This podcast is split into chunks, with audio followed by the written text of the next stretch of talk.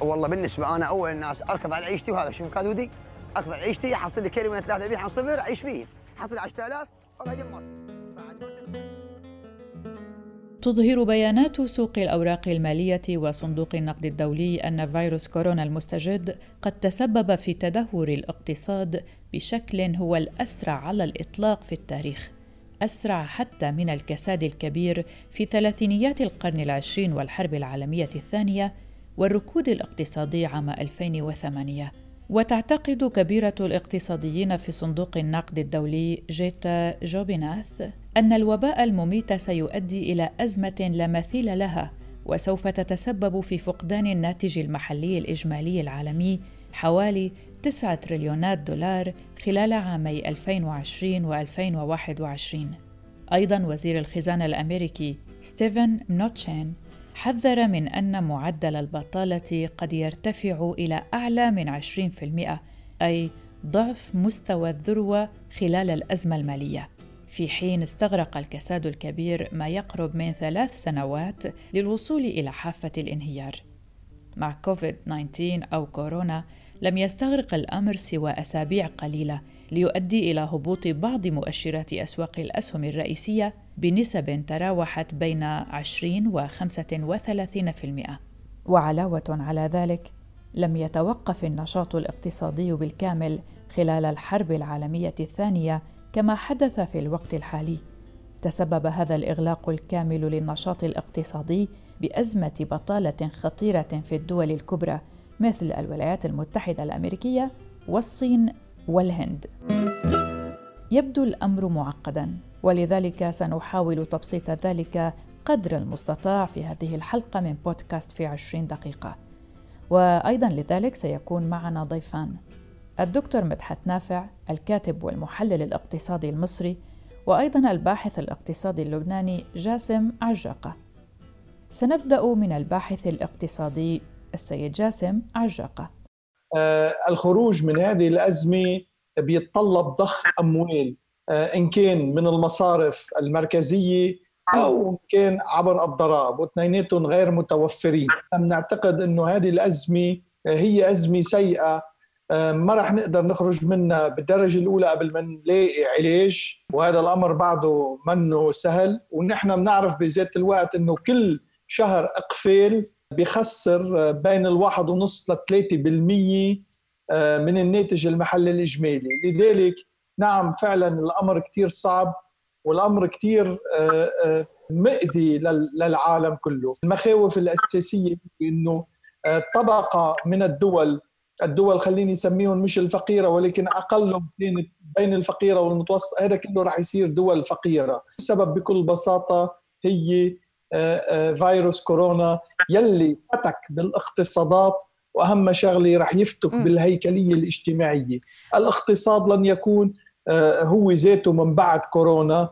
أكيد في تغييرات هيكلية رح تطاله أهم التغييرات الهيكلية اللي رح بتصير فيه آه، هو حقيقة يمكن مش رح أقول تقليص العولمة ولكن أقله في عدد معين من الأمور اكتشف بعض الدول إنه عن جد لازم تكون عم تنتج عندها. لذلك أنا باعتقادي نعم راح يكون في آه، وجه مختلف للاقتصاد العالمي من بعد. في الولايات المتحدة قدم أكثر من 30 مليون شخص طلبات للحصول على إعانات البطالة في ستة أسابيع فقط. وفي المملكة المتحدة قدم ما يقرب من مليون شخص طلبات للحصول على إعانات في أسبوعين فقط في نهاية شهر مارس آذار. في الصين ومع إغلاق المصانع الكبرى ومراكز الإنتاج ارتفعت أيضا معدلات البطالة. تفيد الإحصاءات الرسمية الصينية أن البطالة في المناطق الحضرية ارتفعت إلى 6% في أبريل نيسان الماضي.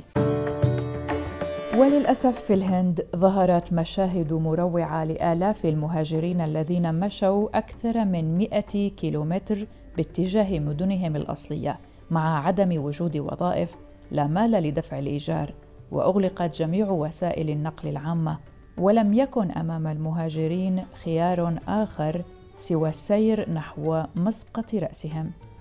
أسعار النفط كانت مؤشر من أسوأ المؤشرات حيث تراجعت بشكل حاد بسبب منع السفر ووسائل النقل للمرة الأولى في التاريخ. وتراجعت أسعار النفط إلى أرقام سلبية بسبب انخفاض الطلب وتسبب هذا بدوره في المزيد من البطالة في مجال الصناعة النفطية. وسط كل هذا استغرقت الحكومات في جميع أنحاء العالم وقتا أطول للإعلان عن حزم الإنقاذ للشركات الصغيرة. ومع ذلك فإن الحزمة الاقتصادية التي تبلغ قيمتها ثلاثة تريليون دولار والتي أعلنت عنها إدارة ترامب كان تأثيرها الإيجابي ضئيل وسط انتعاش الاقتصاد ببطء.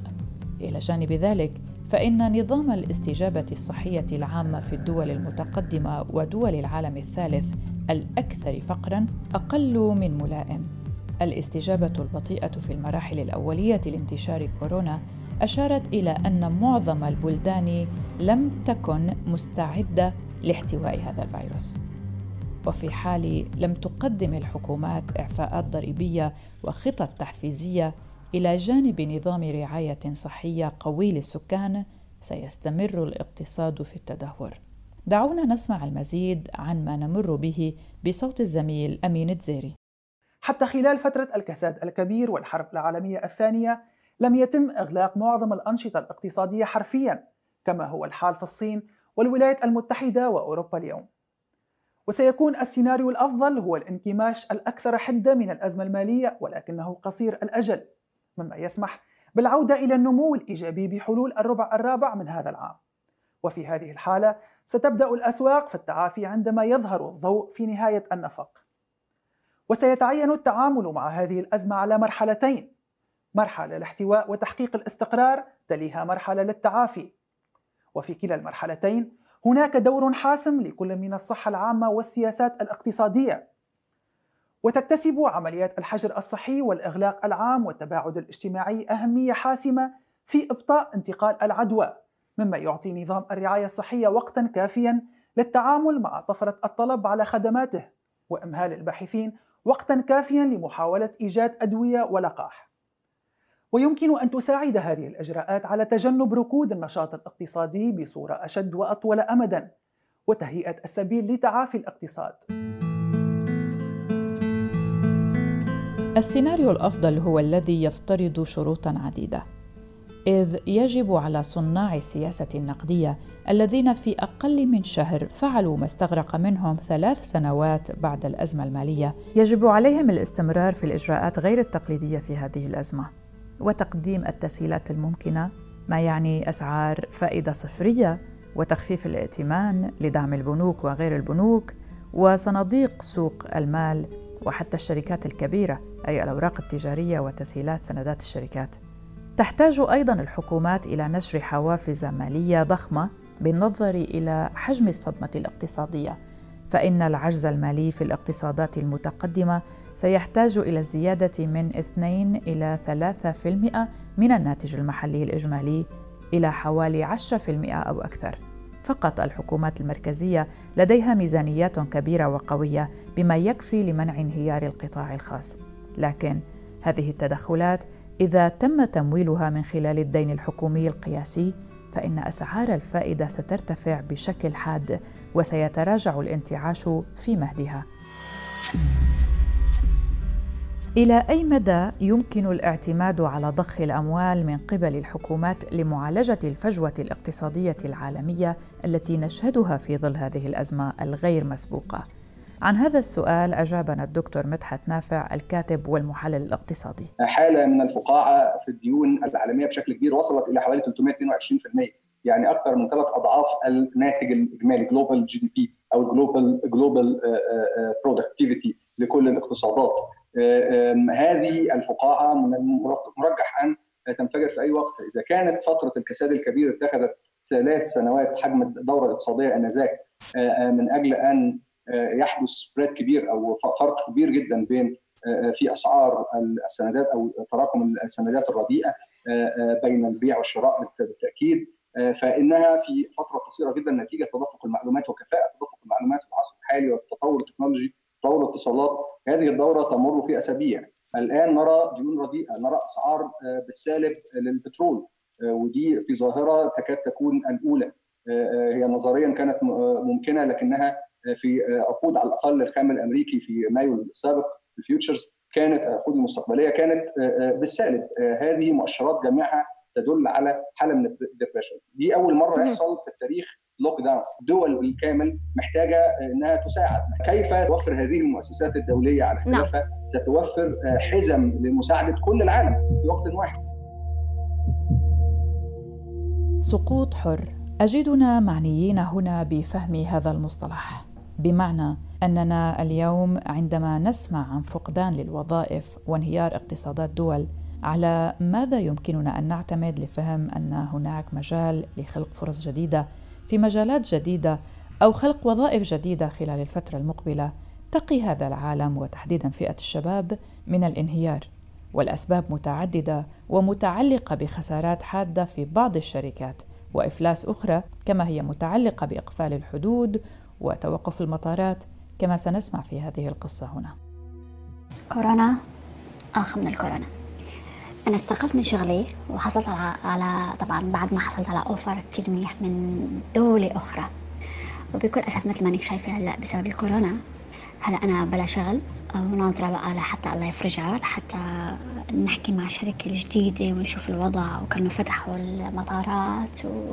وفتحوا الشغل من أصله آه الأمور هيك شوي تايت آه بكل أسف. هلا آه متضايقة أكيد.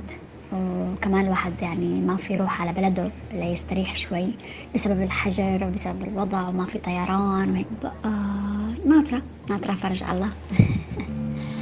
أو أحيانا بصفن إنه كثير أنا هلا متضايقة ومزعوجة بس لما بصفن إنه بصفن بالعالم الثاني اللي بالمطارات ولا اللي خسرت شغلها ولا بقى بقول كتر خير الله.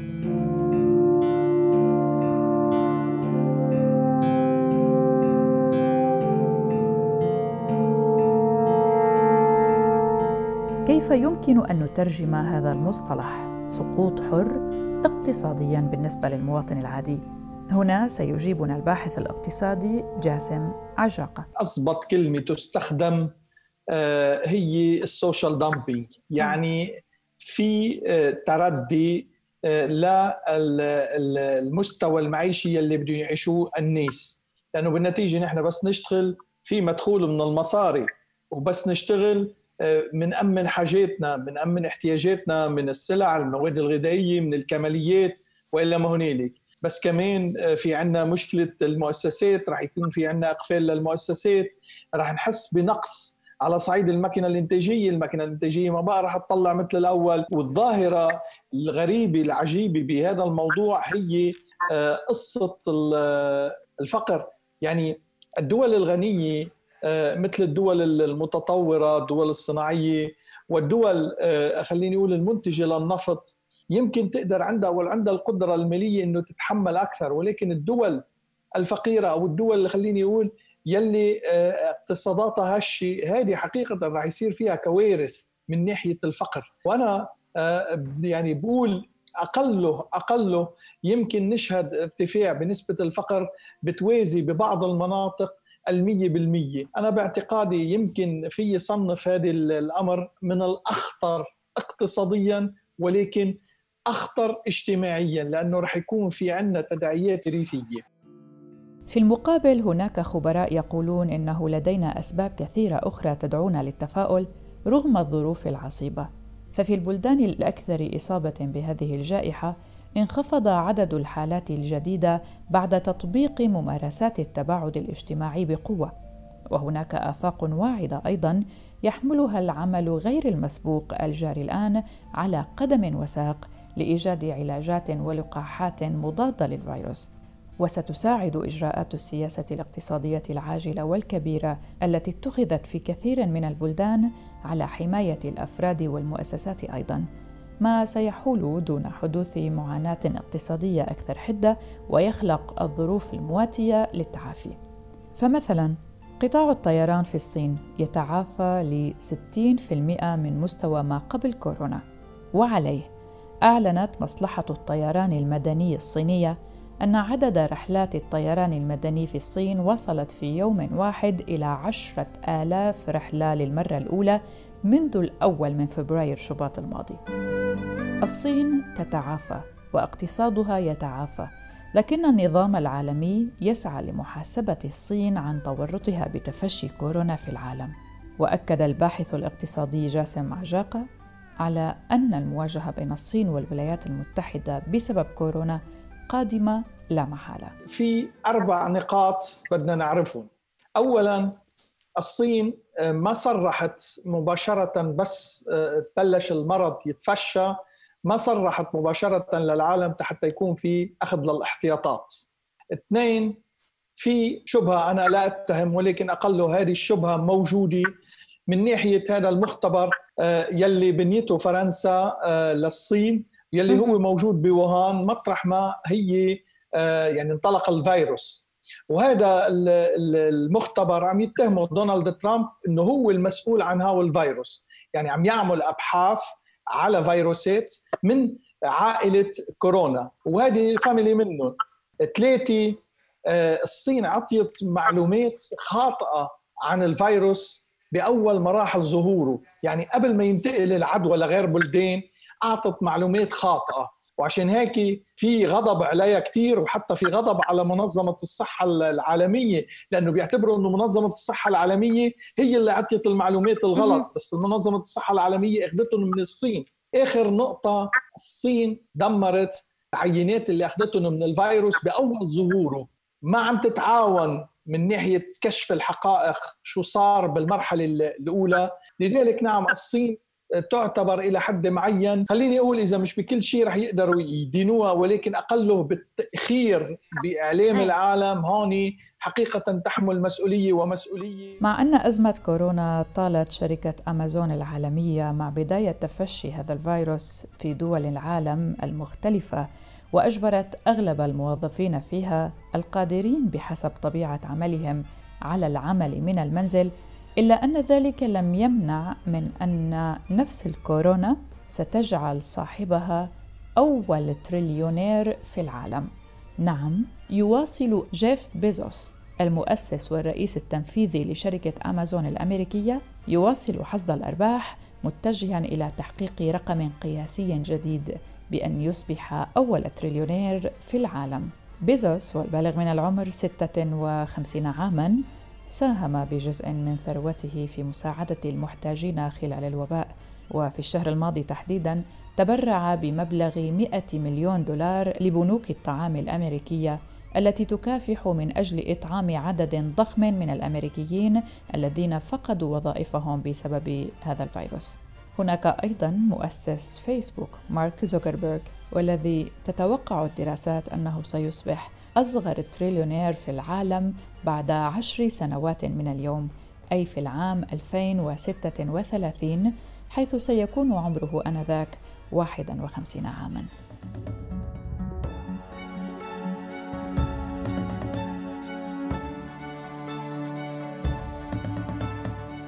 لكن إذا ما انتقلنا إلى عالمنا العربي ومع كل النصائح التي تقدم عبر وسائل الإعلام والحكومات والوزارات وحتى الجمعيات والأفراد الذين يجتهدون لتوعيتنا حول هذه الجائحة وأثرها الكبير على حياتنا صحيا ونفسيا واقتصاديا إلا أن ذلك لا يلقى بالا من الجميع.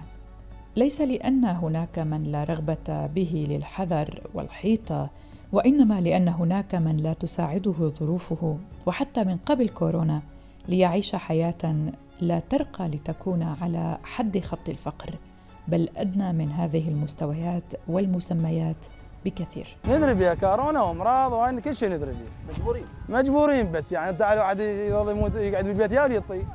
ما حيطي لا أشغال لا راتب كل شيء ماكو. الله وكيلك وعندي ثلاث جائلان. حسين طاهر عراقي من البصرة لا عمل لديه ولديه أسرة وأطفال يحتاج إلى إعالتهم. ولأنه لم يتمكن من الحصول على وظيفة أو عمل يلجأ إلى جمع النفايات. يقول حسين إن قوات الأمن تحاول على الدوام إقناعهم بالبقاء في المنزل لكنهم في نهاية الأمر يسمحون لهم بالمرور نظرا لأنهم لا يملكون مصادر بديلة للدخل. وهذا محمود. إحنا قاعد نتنقب أتنقب أنا من الريحة يعني بس إذا قعدني يقتلي اليوع أنا أقدر أقعد ببيتي وأتعقب وكذا وأقعد واسكت بس يقتلي اليوع شو شاكل شو أشرب. زين ماكو شو أسوي والله. محمود إبراهيم وهو أحد الباحثين وسط القمامة ويبلغ من العمر أربعين عاما يعمل في مكب النفايات منذ عشر سنوات. يشق طريقه إلى مكب النفايات الرئيسي في المدينة متحد إجراءات العزل العام الهادفة لمنع تفشي فيروس كورونا المستجد ويأتي جامعو القمامة والنفايات إلى المكب في مجموعات. رجال وأبناء إخوة وأخوات وكثير منهم أطفال لا يضعون سوى قطعة من القماش حول وجوههم للحماية من الأبخرة السامة ويبحثون عن عبوات البلاستيك والقصدير والمعدن والزجاج باختصار إنهم يبحثون عن أي شيء يمكنهم إعادة بيعه. ما يحصل عليه من المال سيساعده على العيش. فإذا حصل مثلا على عشرة آلاف دينار عراقي أي ما يعادل ثماني دولارات سيعود إلى المنزل ليجلس مع زوجته وطفله الوحيد الذي يساعده. والله بالنسبة أنا أول الناس اركض على عيشتي وهذا شو كادودي اركض على عيشتي أحصل لي كلمة ثلاثة ابيع عن صفر اعيش فيه حصل 10000 أقعد مرتي. بعد ما تذب عليها تعيش 500 أسرة تقريبا على جمع نفايات في البصرة الغنية بالنفط في جنوب العراق. يدر هذا العمل على جامعي النفايات ما بين 8 إلى 15 دولارا أمريكيا في اليوم. المتحدث باسم وزارة التخطيط العراقية عبد الزهر الهنداوي قال في وقت سابق من هذا الشهر إن 20% من السكان يعيشون حاليا في فقر وإنه من المتوقع أن ترتفع النسبة إلى 30% هذا العام نظرا لأزمة كورونا وخروج الناس من العمل بسبب هذه الأزمة. ولا يزال انخفاض أسعار النفط الذي يمثل كل إيرادات العراق تقريبا يضغط ويضغط على الاقتصاد.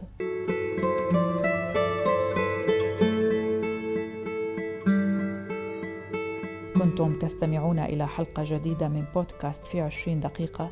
من إعداد وتقديم براء صليبي. إلى اللقاء في حلقة جديدة.